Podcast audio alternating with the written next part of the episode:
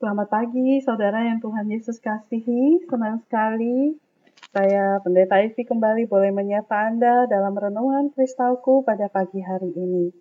Mari sebelum kita bersama-sama akan membaca dan merenungkan firman Tuhan, kita bersatu dalam doa. Bapa di dalam surga, kami sungguh bersyukur untuk anugerahmu yang baru di pagi hari ini.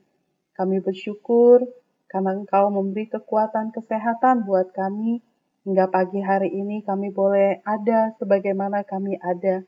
Kami akan bersama-sama membaca dan merenungkan firman-Mu ya Tuhan. Berbicaralah kepada setiap kami ya Tuhan, sebab kami sudah siap untuk mendengarkan firman-Mu. Kuasai setiap kami, demi nama Tuhan Yesus, kami sudah berdoa dan mengucap syukur. Amin. Saudara, pembacaan firman Tuhan pada hari ini dari surat 1 Petrus, pasalnya yang ketiga, ayatnya yang ketujuh hingga ayatnya yang ke-12. Demikian firman Tuhan. Demikian juga kamu, hai suami-suami, hiduplah bijaksana dengan istrimu sebagai kaum yang lebih lemah. Hormatilah mereka sebagai teman pewaris dari kasih karunia, yaitu kehidupan, supaya doamu jangan terhalang. Dan akhirnya, hendaklah kamu semua seia sekata, seperasaan, mengasihi saudara-saudara, penyayang dan rendah hati. Dan janganlah membalas kejahatan dengan kejahatan, atau caci maki dengan caci maki. Tetapi sebaliknya, hendaklah kamu memberkati, karena untuk itulah kamu dipanggil, yaitu untuk memperoleh berkat. Sebab siapa yang mau mencintai hidup dan mau melihat hari-hari baik, ia harus menjaga lidahnya terhadap yang jahat dan bibirnya terhadap ucapan-ucapan yang menipu ia harus menjauhi yang jahat dan melakukan yang baik. Ia harus mencari perdamaian dan berusaha mendapatkannya. Sebab mata Tuhan tertuju kepada orang-orang benar dan telinganya kepada permohonan mereka yang minta tolong. Tetapi wajah Tuhan menentang orang-orang yang berbuat jahat. Sampai sejauh demikian pembacaan firman Tuhan. Saudara, tema renungan kita hari ini adalah kejujuran yang mengejutkan.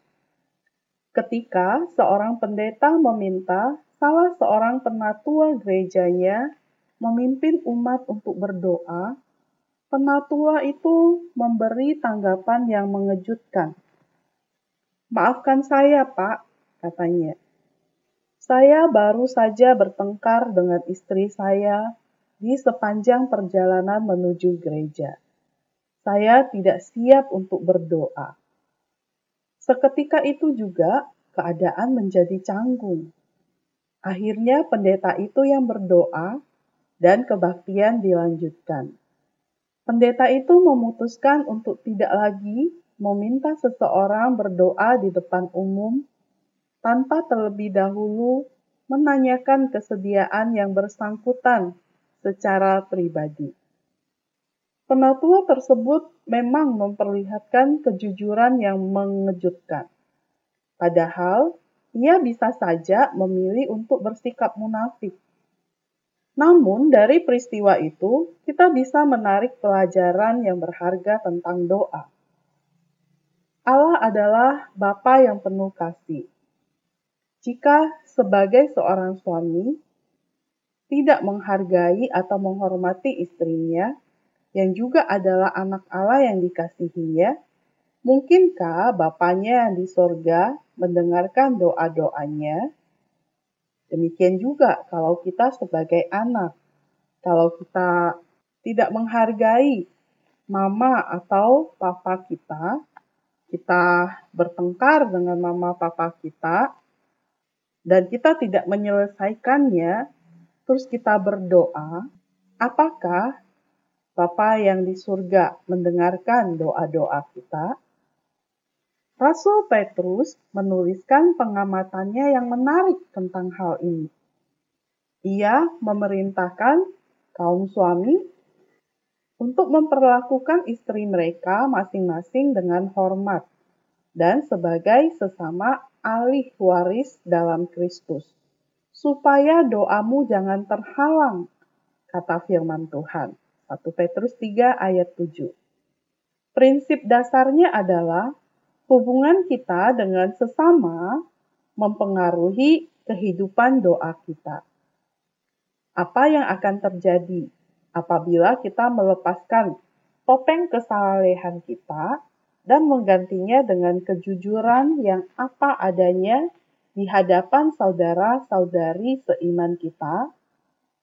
Bayangkan apa yang bisa Allah lakukan melalui hidup kita ketika kita berdoa dan belajar untuk saling mengasihi seperti kita mengasihi diri sendiri.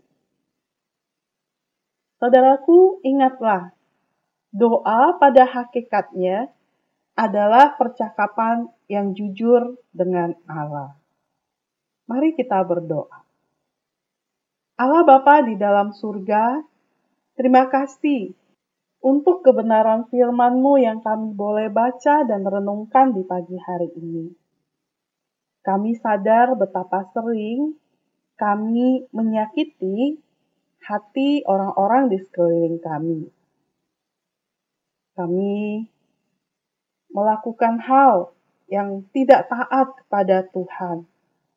Kami sering kali menyembunyikan pelanggaran kami di hadapan sesama. Namun kami tahu bahwa tiada satu hal pun yang tersembunyi di hadapan Tuhan. Tolong kami Tuhan supaya kami belajar jujur untuk mengakui segala keadaan kami, pelanggaran kami, menyakiti hati orang lain.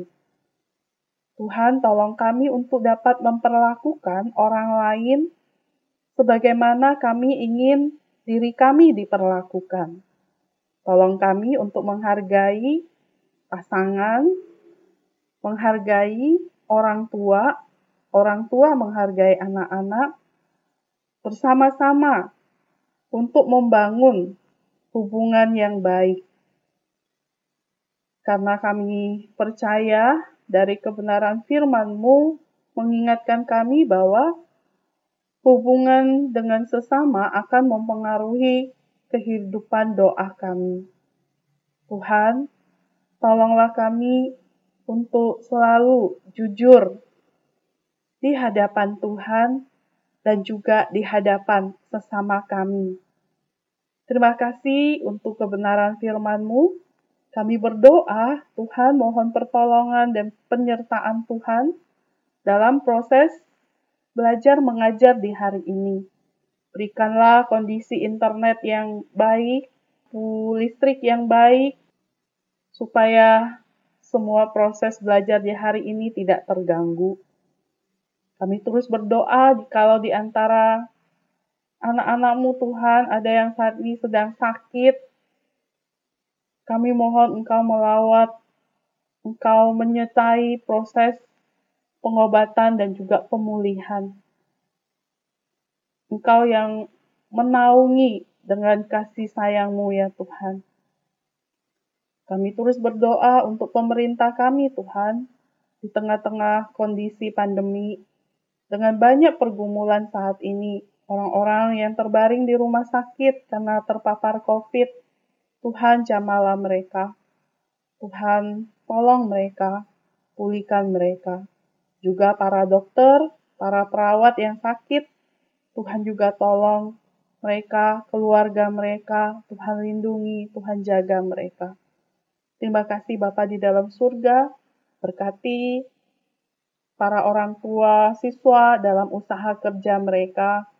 Tuhan, kiranya Engkau memberkati semua usaha yang dilakukan boleh berhasil oleh karena pertolongan Tuhan. Terima kasih Bapa di dalam surga.